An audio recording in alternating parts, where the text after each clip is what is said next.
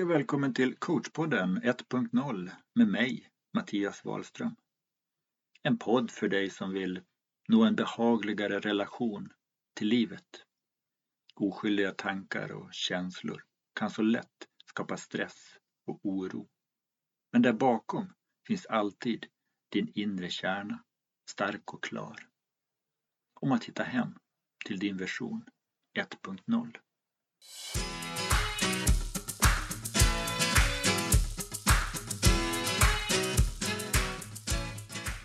Hej och välkommen tillbaka till coachpodden 1.0 med mig, Mattias Wahlström. Idag har jag tänkt att dela med mig av ett eh, svartare avsnitt. Ett avsnitt som handlar om ensamhet och osäkerhet. Jag har valt att kalla det Alltid i ovisshet. Jag tror att de flesta någon gång har känt sig övergiven, sviken eller ensam. Jag har levt väldigt mycket med mina tankar i min egna lilla bubbla. Jag har trivts i ensamheten och har ganska ofta haft svårt att dela mina tankar med andra. Den som jag försökt dela dem med har ofta inte förstått min utmaning eller min fundering. Jag har oftare fått en kommentar eller en ointressant lösning som mer visar på olikhet än nyfikenhet. Det har format mig att leta efter klarhet på min egen hand och har därför läst väldigt mycket inom självhjälp och personlig utveckling. Om min eh, röst just nu låter lite hes så var jag på innebandycup igår med vårt eh, distriktslag där killarna för första gången fick äran att ta på sig den blågula dalatröjan. Det är ett enkelt och tydligt sammanhang för mig för andra helt ointressant och vilset. Min roll där är att sätta ihop ett lag som finner sammanhang, tillit och mening med att vilja göra sitt yttersta för sig själv och sitt lag. Att skapa förståelse och engagemang över vad som har betydelse och vad som gör skillnad. Att vilja och våga göra sitt yttersta och ta den plats i strålkastaren som alla dessa killar har gjort sig förtjänst av. Det är så lätt att i osäkerhet hamna i tvivel när grubblandet tillåts ta plats.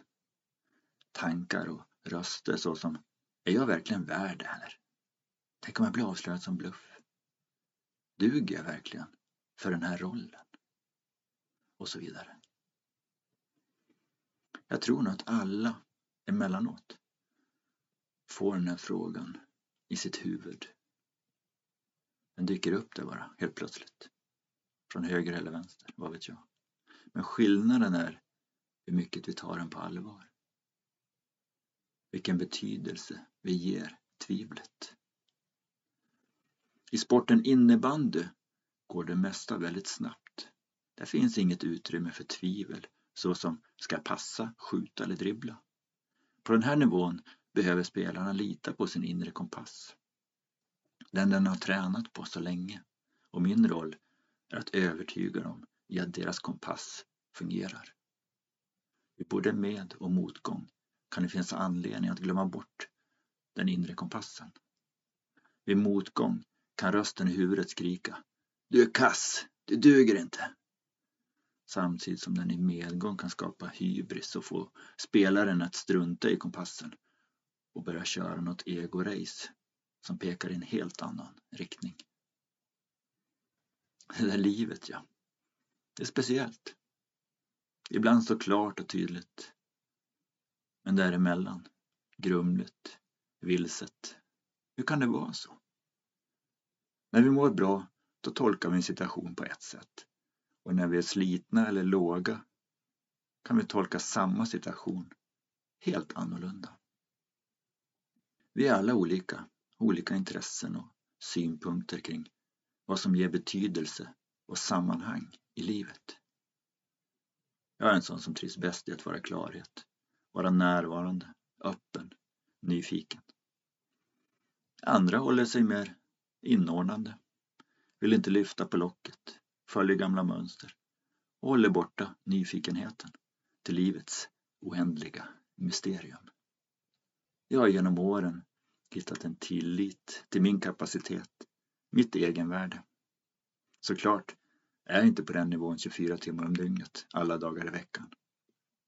Även jag har svackor, tvivel och svarta tankar. Men skillnaden är att jag har tillit till att det är övergående och att det är tankar som inte behöver tas på allvar. Jag har stött på människor som gått in i dimman och blivit vilsna i livet. Många har hittat tillbaka, men några har fastnat där. Och några har till och med hamnat så djupt ner i mörkret att avsluta livet har setts som den enda utvägen. Jag har letat mig fram i livet ganska många gånger. Utmanat frågan, vänt på den och funderat. Vad är meningen med mig? Vad är meningen med livet? Varför är vi här och inte någon annanstans? Jag kan ha ett ganska stort djup. Ibland har jag hittat likasinnande, men oftast inte.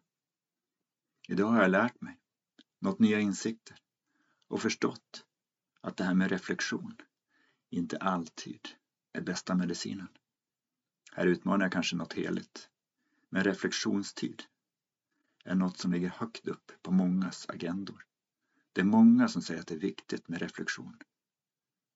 Men jag vill hävda att den som är nere i mörk källare, som sitter fast i mörka geggiga tankar, har ingen nytta av reflektionstid. Den är redan vilsen i sin reflektion. Den reflektionen kommer inte bli bättre av mer lyssnande på tankar som sänker. Den personen behöver först finna ett nytt perspektiv på livet innan en reflektion kommer göra nytta. Reflektionstid fyller sin funktion när vi är i klarhet. När vi inte är i klarhet kommer denna reflektion bara ta oss mer på drift, mer i vilsenhet eller mer avstånd ifrån upplevelsen nu.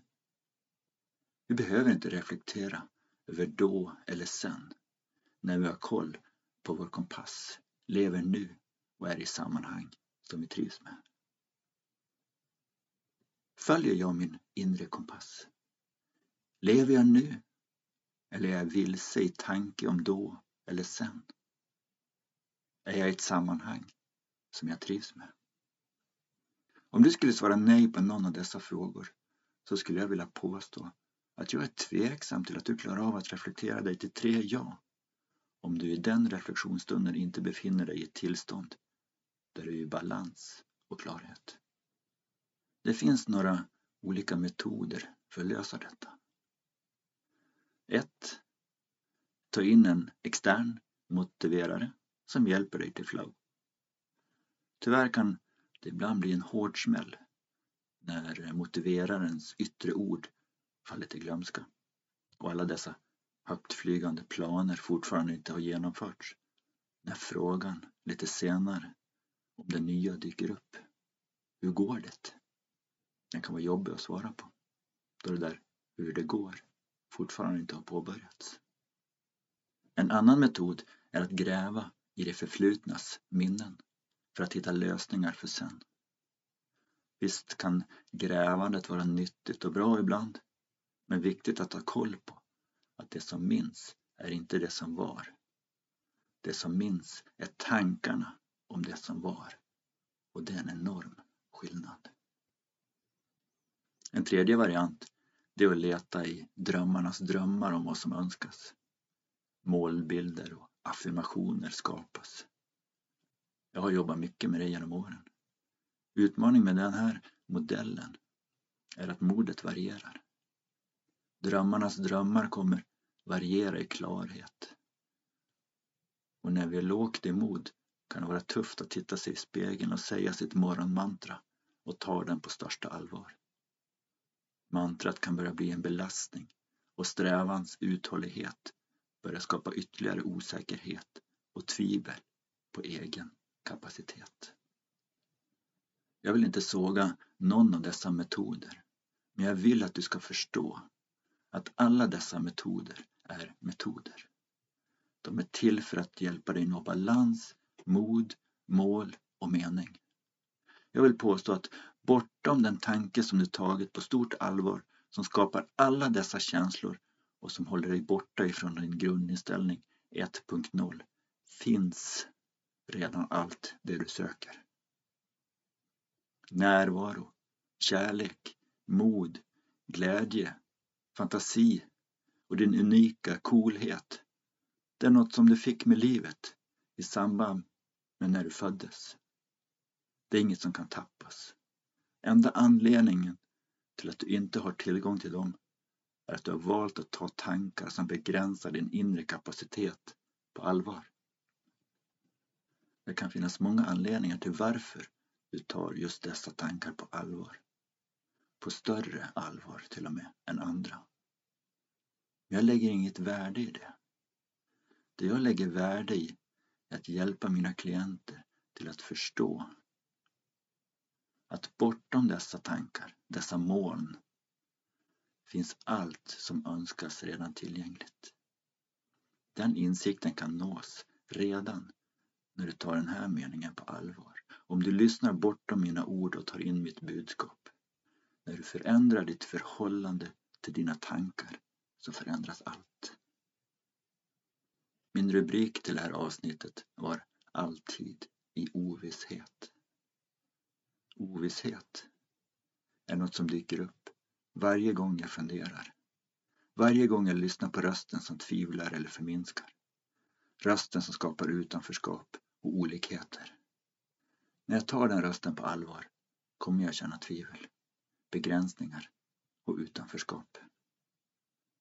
I den här ensamheten kan det gärna för mig dyka upp olika låttexter i mitt huvud. Ofta bara en rad eller ett par meningar. En som följt med mig när vi pratar tvivel, det är en gammal Eva Dahlgren-låt. Hjärtats ödsliga slag.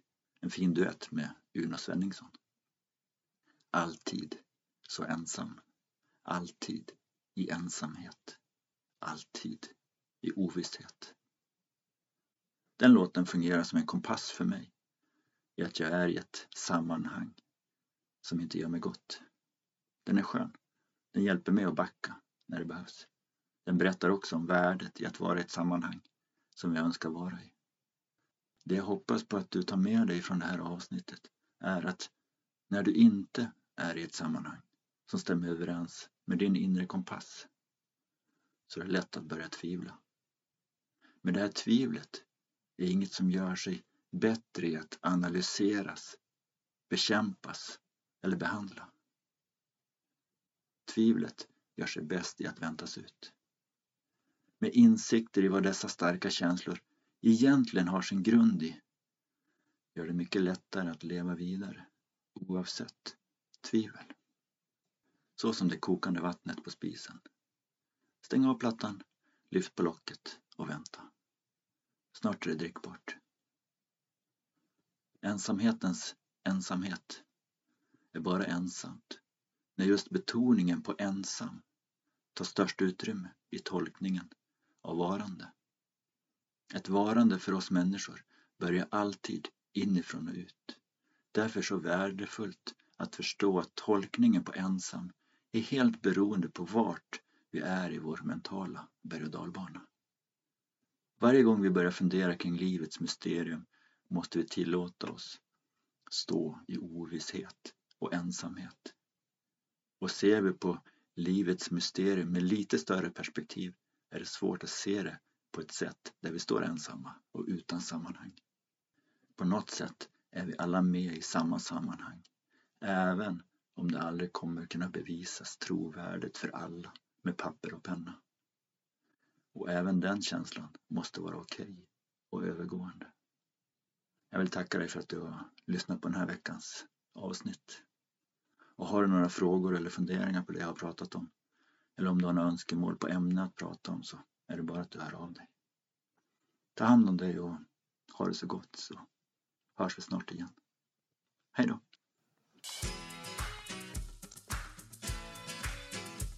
Tack för att du lyssnat på Coachpodden 1.0. Om du har några frågor och funderingar får du gärna mejla dem till mig, Mattias, livsstilsforandrarna.nu. Om du vill komma i kontakt med mig och är nyfiken på coachning, föreläsningar eller mina produkter, titta gärna in på hemsidan livsstilsforandrarna.nu eller mejla mig direkt. Jag lägger med länkar i programinformationen. Naturligtvis, om du gillar podden så uppskattar jag om du delar den i sociala medier och rekommenderar den bland dina vänner. Ta hand om dig så hörs vi snart igen. Och eh, stort tack!